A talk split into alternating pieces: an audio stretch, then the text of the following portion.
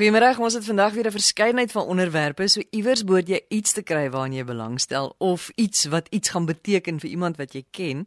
So welkom by Rand en Sent. Ek is Susan Stein en natuurlik kry jy ons nêrens anders as hier op RSG nie. 100 tot 104 FM hier in Suid-Afrika, wêreldwyd op die internet by www.rsg.co.za en dan ook op die DStv kanaal 813. Verkies jy om in beheer te wees van jou eie geld sake, soos die aankoop van beleggingsprodukte of ander finansiële produkte? Of het jy dalk nie altyd toegang tot 'n finansiële adviseur nie? Dan moet jy ingeskakel bly want ons gaan later kyk hoe jy aanlyn raad kan kry vir jou beleggings en self jou produkte kan bestuur. Ons praat ook oor kontrakte vir direkteurs van maatskappye. Is dit nou nodig dat 'n direkteur van 'n maatskappy 'n kontrak moet teken of nie? Maar ons gaan nou begin met iets wat lyk my nogal 'n tamaletjie vir baie boere is. Hulle moet besluit wie gaan hulle plaas of plase erf en hoe hierdie proses gaan werk. Wie kry die plaas as jy nou byvoorbeeld meer as een kind het? En wat kry die ander kinders wat nou nie die plaas kry nie om die verdeling regverdig te maak? Andrew Griesel is die uitvoerende hoofbestuurder van Proverta Health en hy sê hy sien dikwels dat daar groot probleme ontstaan in families juis rondom hierdie erfopvolging van boerderybates. Ons sien baie in die beplanningsarena dat daar probleme ontstaan rondom die erfopvolging rondom plase bloot omdat meeste plase as ekonomiese eenheid is nie groot genoeg om sê nou maar 2 of 3 seuns te kan akkommodeer nie en dan is daar nog 'n dogter of twee baie keer ook. So die boere sukkel baie keer met die proses om dit regverdig te verdeel tussen hulle kinders. En wat ons sien in praktyk gebeur is dat dit baie keer skeurings in families veroorsaak wat ek dink onnodig is. My persepsie oor dit is en jy weet ek dink uh, die boere wat luister sal onmiddellik waarskynlik sê ja, maar dit is nie so maklik nie. En en en ek het begrip daarvoor is definitief nie maklik nie. Maar ek dink 'n deel van die probleem lê daarin dat boerderye nog steeds nie in meeste gevalle soos besighede hanteer word nie. Dit word nog steeds 'n bietjie soos 'n kafee op die hoek amper hanteer in terme van hoe dit bestuur word. Jy weet mense leef uit die boerdery uit. Baie min boere kan vir my sê wat hulle maandelikse uitgawes is want hulle leef dit eenvoudig uit die boerdery rekening uit. Ehm um, baie min boere betaal hulle self 'n vaste salaris, so hoe beplan jy rondom begroting, hoe beplan jy rondom jou aftreebeplanning? So ek sien net dat daar is baie min van dit. En die suksesvolle boere wat wat wel, kom ons noem dit groter boere, ehm um, sogenaamde maatskappyboere hulle werk baie meer soos 'n maatskappy en baie meer soos 'n besigheid. En my vraag is baie keer wonder ek by myself is hulle suksesvol omdat hulle die benadering gevolg het of is hulle het hulle eers suksesvol geraak en toe soos 'n maatskappy begin opereer? En ek dink da, deels daarin lê die antwoord. As jy die regte beginsels toepas in terme van hoe jy jou besigheid benader dan dink ek gaan dit vir jou besigheid ook op 'n of ander dag baie beteken. Kom ons kyk gou na die na erflating, want dit is dikwels 'n probleem. Jy het 'n dogter en drie seuns of twee dogters en 'n seun. Die seun erf miskien die plaas of die eersgeborene erf die plaas, die ander is ongelukkig. Wat sien jy? Wat gebeur in die praktyk daar?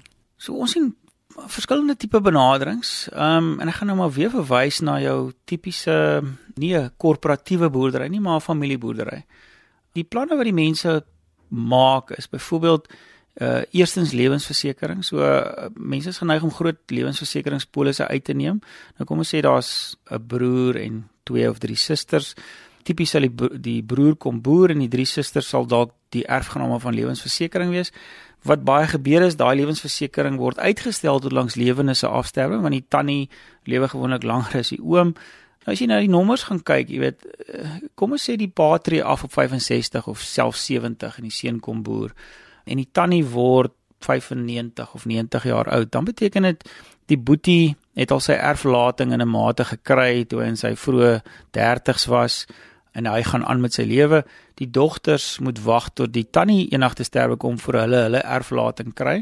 So onmiddellik is daar 'n gevoel van nee, maar dit is regverdig, jy weet. Die dogters mag al by aftrede wees teen die tyd wat hulle eers erf. Die tweede uitdaging met dit is as die persoon op wie se lewe die lewensversekering uitgeneem is baie oud word, dan kan daai premies nogal 'n probleem raak. Jy kan om enigsins naby 'n regverdige situasie te kom, gaan jy kan jy baie baie hoë premies hê en daai premies moet gewoonlik deur die seun wat boer betaal word wat weer vir hom onder kontantvloei druk kan sit. Dis 'n plan, maar dis nie 'n goeie plan nie. Ons sien net dat dit meer gereeld as nie nie goed uitwerk nie. Ehm um, die ander tipe goed wat gedoen word is, jy weet daar sal byvoorbeeld 'n strandhuis gekoop word en dan erf die twee dogters die strandhuis. Ek wil hom sê in gelyke dele. Nou, dis totaal onprakties want as hulle eers groot is, hoe maak hulle kinders en hoe maak hulle kinders se kinders? So ons sien dat strandhuise wat byvoorbeeld vererf word aan families, die persentasie van daai tipe van transaksies wat op die einde van die dag goed uitwerk is baie baie skraal dis baie moeilik om 'n regverdige stelsel te kry as jy dit op da op daardie manier hanteer. Wat is dan die regte manier sodat dit regverdig is en niemand te nagekom voel nie? Ek dink die antwoord lê in 'n mate daarin dat jy 'n kop skuif amper reg aan die begin gaan moet maak oor hoe jy die boerdery benader. Gaan jy dit soos 'n eenman saak benader of gaan jy dit soos 'n maatskappy benader? dis waarskynlik waar die waar die challenge lê van die persoon wat daai besluit gaan moet maak, gaan dit waarskynlik tot sy eie nadeel in 'n mate moet maak. Want hy gaan moet sê, okay, hierdie bate wat ek nou so te sê geërf het, gaan ek nou eintlik in 'n mate deel met my broers en my susters wat nie wat nie boer nie. Uh, en as ek weer die maatskappy analogie kan gebruik, as jy 'n aandeelhouer is in 'n in 'n in 'n maatskappy, dan het jy kapitaal toevertrou aan daardie bestuurder van die maatskappy en al die mense wat daar werk en hulle moet vir jou rendement op jou belegging genereer. Jy werk nie self noodwendig daar nie, so jy gaan nie 'n salaris kry uit die boerdery uit nie of uit die besigheid uit nie, maar jy het 'n jy gaan dalk 'n dividend kry een keer 'n jaar afhangende van wat die dividend beleid is. Nou, as jy 'n plaas uh, opset byvoorbeeld vat, as die plaas uh, in 'n maatskappy of in 'n trust is en al die kinders is begunstigdes daarin, dan kan almal potensieel in die waarde van daardie bate deel, maar die boer self is die ou wat die besigheid moet bestuur. Hy is die ou wat elke dag sy sweet in die grond moet laat val. So uiteraard kan hy nie op dieselfde basis as die as die passiewe aandeelhouers wees nie. So hy moet 'n salaris kry wat in lyn is met met die tipe werk wat hy doen en uiteraard is hy dan ook 'n aandeelhouer. So hy deel dan ook in al die waarde wat hy toevoeg in daardie plaas. Maar die oomblik as jy daardie roete gaan, haal jy onmiddellik die hele behoefte daaraan uit om allerlei ander tipe versekerings of goed uit te neem om ander mense uit te betaal want dan is almal eintlik in dieselfde bootjie. Al wat hy het is hy het 'n werk, 'n guaranteed werk gekry in 'n mate, maar ek ben hy moet nog steeds werk en wat hy daar gaan doen gaan 'n verskil maak. Nou, een van die groot probleme in my na my mening is die vermyding van belasting. Nou ons gaan nou effens miskien in 'n ander rigting, maar dit sluit in 'n mate hierby aan en hoekom ehm um, daar nie beter planne gemaak kan word nie. Omdat meeste mense allergies is om belasting te betaal en en boere spesifiek in 'n goeie jaar is hulle geneig om winste wat hulle maak aan te wend op 'n manier om belasting om nie belasting te hoef te betaal nie. So hulle sal byvoorbeeld uh, goedere aankoop of kratte of wat ook al die geval mag wees. Ehm um, die probleem met dit is jy bou geen welvaart op daai manier nie. As jy as jy 'n voertuig byvoorbeeld vat, kom ons sê jy het 'n goeie jaar gehad, jy wil die belasting betaal en nou koop jy 'n nuwe bakkie. 500 000 rand of wat ook al die geval mag wees. 5 jaar later is daardie bakkie 250 000 rand werd. So jy het die helfte van daai wins wat jy gemaak het verloor. As jy belastinge op betaal het, ja, sou jy miskien 41% of 28% afhangende van wat jou entiteit is, belasting betaal het, maar die verskil kon jy dan belê het. En as jy sinvolle beleggings gemaak het, of in die boerdery uh, omgewing of buite die boerdery omgewing kon jy waarskynlik dubbel die hoeveelheid geld gehad het 5 jaar later as wat jy in die begin gehad het. So en herhaal da, herhaal daai proses 10, 20, 30 jaar en daar's 'n geweldige verskil in die, in terme van die uitkomste. En die oomblik as jy dit doen, dan kan jy welvaart buite die boerdery opbou, nie net vir jouself nie, maar ook vir die ander aandeelhouers. Dankie Andrew Griesel, hy is die uitvoerende hoof van Proverta Health. En ek hoop daar het 'n lig opgegaan as jy dalk nou 'n boer is en jy sit met hierdie situasie en jy weet nie wat om te doen nie of ehm um, jy is 'n jong boer en jy beplan 'n familie, kan jy sommer nou al begin beplan vir die toekoms sodat jy kan seker maak dat jou boerdery dan nou op 'n maatskappy beginsel bestuur word sodat daar geen probleme in die toekoms gaan wees nie. Ons gaan nou-nou gesels oor aanlyn advies of raad van 'n robot oor jou beleggings. Hoe werk dit en hoe kan dit jou help? Hoe kan jy dit gebruik? Maar nou eers skriftelike dienskontrakte vir direkteure van maatskappye. Is dit nodig of nie? Nicoline Skuman Lou is 'n bekende hier by ons. Sy is van Skuman Law ingelyf en sy sê dit lyk asof daar 'n wanindruk bestaan binne maatskappye dat as jy 'n direkteur in jou maatskappy aanstel of as jy 'n direkteur is, dat jy nie 'n skriftelike dienskontrak nodig het nie. As prokureurs is ons mos maar ehm um, ons stel eerder voor dat die kontrakte skriftelik moet wees. So ek gaan nie eers praat oor mondelingse kontrakte nie, want natuurlik is daar nie een is nie. Dan is dit nou maar die gronde waarop mens gaan steun is dat daar 'n 'n verbale ooreenkoms tot stand gekom het. Ek dink ook die die wanpersepsie sprei dalk daaruit dat die maatskappye wet wel sekere riglyne daarstel waaraan direkteure moet voldoen sekere gedragskodes, sekere aspekte wat van hulle verwag word. En as hulle nie daaraan sou voldoen nie, dat hulle wel dan verantwoordelik gehou kan word. Die probleem is dat die wet nie diensvoorwaardes reguleer nie. Met ander woorde, hoeveel jy jou direkteur betaal vir sy direkteursfooi of die direkteur geregtig is op 'n bonus of die direkteur geregtig is op uh, vakansie die tipe praktiese goed wat mens gewoonlik met gewone werknemers sal onderhandel en dan op skrif sal stel. Die ander aspek is ook dat mens twee tipes direkteure kry.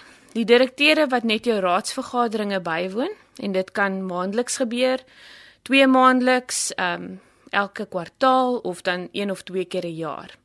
En hulle sal dan geregtig wees op 'n fooi om hierdie raadsvergadering by te woon. Die ander tipe direkteur is betrokke in jou maatskappy op 'n dag tot dag basis en hulle woon ook raadsvergaderings by. Daardie tipe direkteur is nie net 'n direkteur nie, maar ook essensieel 'n werknemer. So as iets sou verkeerd gaan en die verhouding moet beëindig word, is daar baie spesifieke metode of proses wat gevolg moet word om daardie verhouding te beëindig. Die wet uh, maatskappye wet spesifiek stel prosesse daar wat gevolg kan word om 'n direkteur te verwyder.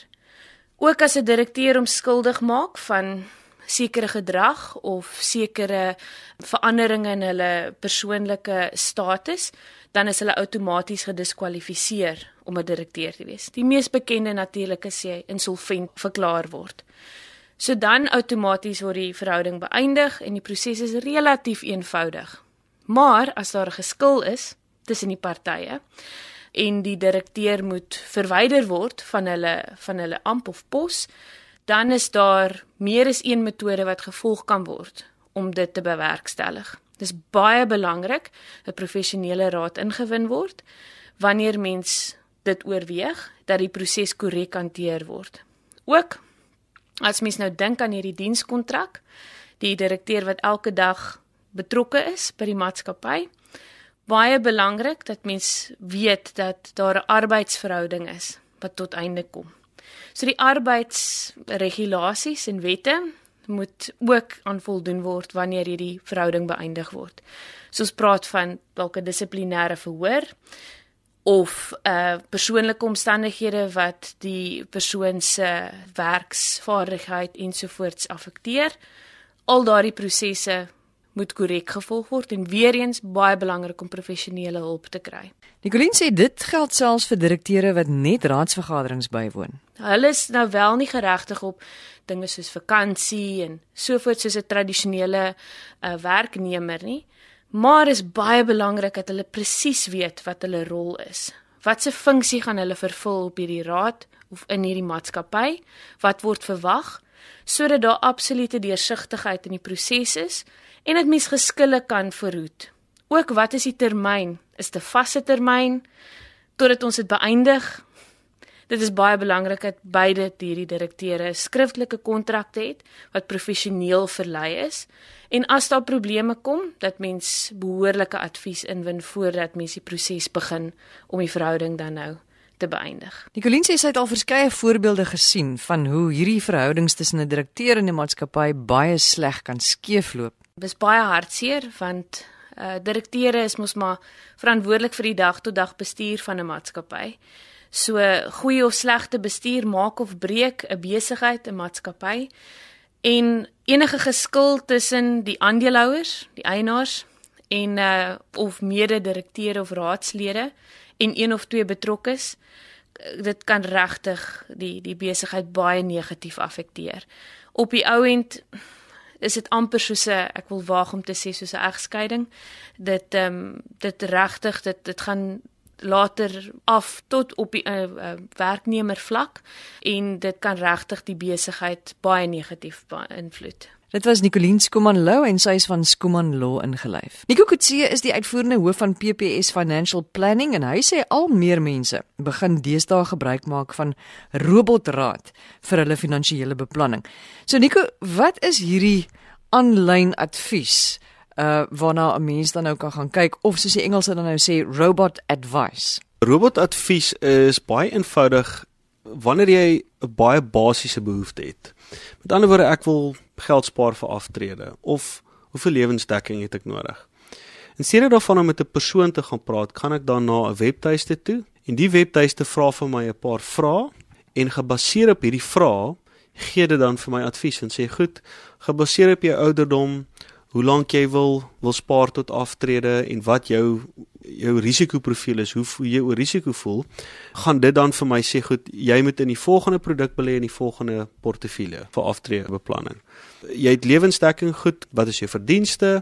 Hoe lank dink jy gaan jou gade nog lewe en dit sê vir jou hoeveel lewensdekking jy nodig het. So dis baie een dis 'n een eenvoudige manier wat ek self dit kan doen. So dis in Engels praat hulle van hierdie DIY tipe advies. So of self-service ek diens myself. Ek het nie lus om met iemand te praat daaroor nie. Waar kom hierdie idee vandaan of wie daarmee begin?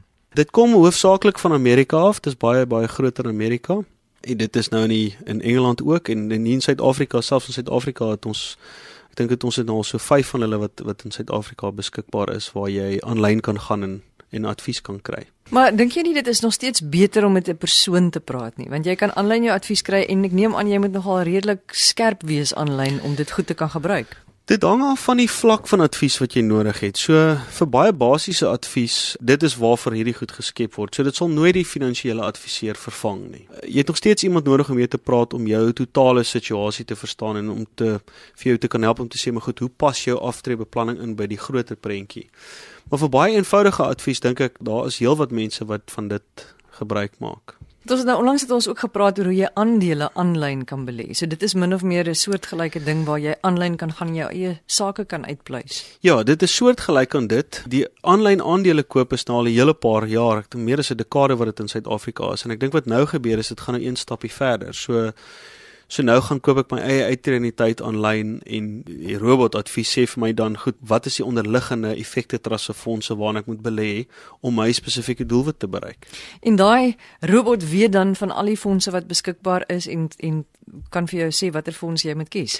Ja, dis alles soos ek sê dis dis redelik simplisties, so dit gaan maar oor wat jou risikoprofiel is. So kom ons gestel en daar kyk hulle gewoonlik na jou ouderdom en hoeveel tyd jy oor het en miskien 'n paar vrae oor hoe jy voel oor sekere situasies. En dan gebaseer daarop kan hulle dan sê goed, hierdie fondse is geskik vir jou. So as jy kom ons sê gestel baie konservatief is, dan gaan ek aanbeveel dat jy 'n geldmark of inkomste tipe fondse is. As jy baie aggressief is, dan gaan dit hoofsaaklik aandele gebaseerde fondse wees. Maar ja, dit met 'n paar eenvoudige vrae kan hulle dan vir jou 'n aanduiding gee van watter portefeulje sal sin maak. En kan jy dan sommer daar 'n produk aankoop? Ja, ehm um, dit is een van die groot voordele vir van hierdie ontwikkeling, nie net vir kliënte nie, maar eintlik ook vir adviseurs ook, want die die lekker ding is, goed, nou weet ek wat ek wil hê, dan met die druk van 'n knoppie kan ek dit implementeer ook. En dit is ek dink vir eh, wat tegnologie betref baie baie goed vir Suid-Afrika want selfs vir jou finansiële adviseur van hulle begin nou gebruik te maak van hierdie adviseurs ook. Um, nie noodwendig vir die advies nie, maar ook vir die implementering daarvan omdat dit so so lekker maklik en eenvoudig is. En kan jy hierdie belegging wat jy dan nou sommer daar aanlyn koop, kan jy dit dan soort van teruggaan en gereeld gaan aanlyn bestuur ook? Ja, meeste van jou um, beleggingsmaatskappye, versekeringsmaatskappye vandag het webtuistes waar jy kan ingaan en jou jou belegging of selfs jou versekerings kan navolg en kyk wat daar presies wat daar aangaan. Hulle stel jy ook in staat om dan geld by te sit of om trekkings te kan doen. So dis baie maklik eintlik. So jy kan ook 'n onttrekking doen van so 'n belegging self sommer. Ja, dit hang natuurlik af van die natuur van die belegging, maar ja, as jy 'n 'n diskresionêre belegging soos 'n effekte trust belegging het waarin jy geld elke maand wegsit en jy het nodig om onttrekking te kan doen, kan jy aanlyn gaan en jy kan die onttrekking self gaan fasiliteer. Sien nou maar jy is nie so ge gemaklik of bekend met die internet nie. Kan jy jouself lelik in die voet skiet? Ja, ek dink mense moet versigtig wees vir dit. Dit is belangrik om te verstaan is basiese advies dit is nie 'n vervanging vir 'n goeie gesprek met 'n finansiële adviseur wat jou werklik verstaan nie. Dit is belangrik dat mense dit moet verstaan. Dit is alhoewel advies. Wanneer mense deur die proses gaan, gaan jy sien jy jy stem toe dat jy gelukkig is met die feit dat jy advies ontvang het al is dit basies. Ja, so ek ek sou versigtig gewees daarvoor om te sê maar goed, ek het nou hierdie gedoen so nou is ek heeltemal okay. Mense moet altyd maar gaan gaan kyk waar dit inpas in die groter prentjie. En wat van um, sekuriteit so op die internet as jy nou sommer daar 'n lekker belegging doen in een of ander fonds. Hoe weet jy jy's veilig? Dis behoort minder van 'n bekommernis te wees vir vir beleggers. Ek dink meeste van jou produkverskaffers in Suid-Afrika het baie baie goeie sekuriteit om hulle kliënte inligting. Die wetgewing wat ingekom het is ook baie streng rondom die deel van jou van jou inligting. So Nee, ek dink nie dis regtig iets nie. As jy gaan kyk na wat gebeur het in die banksektor byvoorbeeld, meeste banktransaksies word deesdae maar aanlyn gedoen. So eh, dieselfde tipe sekuriteit wat jy verwag van jou bank sal jy verwag van jou beleggingsmaatskappy of van jou versekeringsmaatskappy. Maar dan moet jy seker maak jy kies 'n maatskappy wat bekend is. Ja, ek ek sou baie versigtig gewees het om met goed te doen te raak of mense te doen te raak wat jy nie ken nie. So die kleinskrif is is eintlik maar belangrik, veral in hierdie geval omdat jy op jou eie aangewese is. So daar's nie iemand anders om uit te kyk vir jou nie. So is maar belangrik om alles te lees. En ja, ek bedoel ons ons fokus maar gewoonlik op die meer bekende tipe name in terme van mense om jou geld te bestuur of of self om jou versekerings te bied. Dis dit is maar net veiliger. Wie is die mense wat wat regtig hierby gaan kan baat vind? Ek dink dis 'n belangrike vraag. Dit, dit is hoofsaaklik mense wat nie noodwendig toegang gaan kry tot advies nie. Ehm uh, met baie van die nuwe wetgewing wat moontlik in plek gaan kom, gaan dit nie regtig sin maak vir meeste adviseurs om hoe kan ek dit nou stel, die die laer vlakke van advies te bied nie. En ek dink dit is waar hierdie tipe aanlyn adviseurs 'n baie baie groot rol gaan speel. So so mense wat uh, waarskynlik nie meer toegang gaan hê of dalk nog nooit toegang gehad het tot 'n adviseur nie, bloot omdat dit nie ekonomies sinvol is vir die adviseur om hulle te diens nie, kan nou ook toegang kry tot tot dit. So ek dink dit is hoekom die die die wetgewer baie belangstel in hierdie omdat dit daai laer inkomste mark as ware baie baie goed kan diens. En dis ook wat ons gesien het in in in Amerika en ook in die Verenigde Koninkryk wat dit, dit speel 'n baie belangrike rol daar om mense te kry om te spaar en om te kyk na hulle finansiële sake. So hierdie ding maak finansiële dienste vir almal toeganklik. En ek dink dit help ook nogal as jy self jou finansies begin beheer mm. en jy begin sien maar ek het 'n bietjie sukses en my R10 word 20 en word 30, hè, dan begeester dit jou ook 'n bietjie meer om te spaar, is dit nie? Presies, ek dink die die groot uitdaging wat ons het is om mense te kry om eienaarskap te neem van hulle eie finansiële sake. En met hierdie tipe advies is jy die persoon wat wat die besluite maak en jy is in beheer. As hy hierdie soort finansiële beplanning aanlyn maak my nogal baie opgewonde, maar soos Nico sê, mense moet darem 'n idee hê van wat aanlyn aangaan en ook 'n bietjie van wat in die finansiële wêreld aangaan voordat jy nou sommer wild en wakker jou beplanning daar begin koop en jou finansiële produkte aanlyn begin koop. Dit was Nico Kutse, hy is die hoof van PPS Financial Planning. As jy kontak besonderhede soek van enige van die gaste wat vanmiddag gepraat het, as jy dalk meer inligting by hulle wil hê van die onderwerpe waaroor hulle gepraat het, stuur vir my 'n e-pos Die adres is rsgrandencent@gmail.com. rsgrandencent@gmail.com. Volgende week gaan ons onder meer kyk na edelgesteentes, diamante, daai soort van ding en kuns as 'n belegging. Hoe belê mens daarin? Hoe weet jy om die regte goed te koop sodat dit uiteindelik vir jou 'n paar sent kan inbring? Van my Susan Stein, tot dan, mooi bly.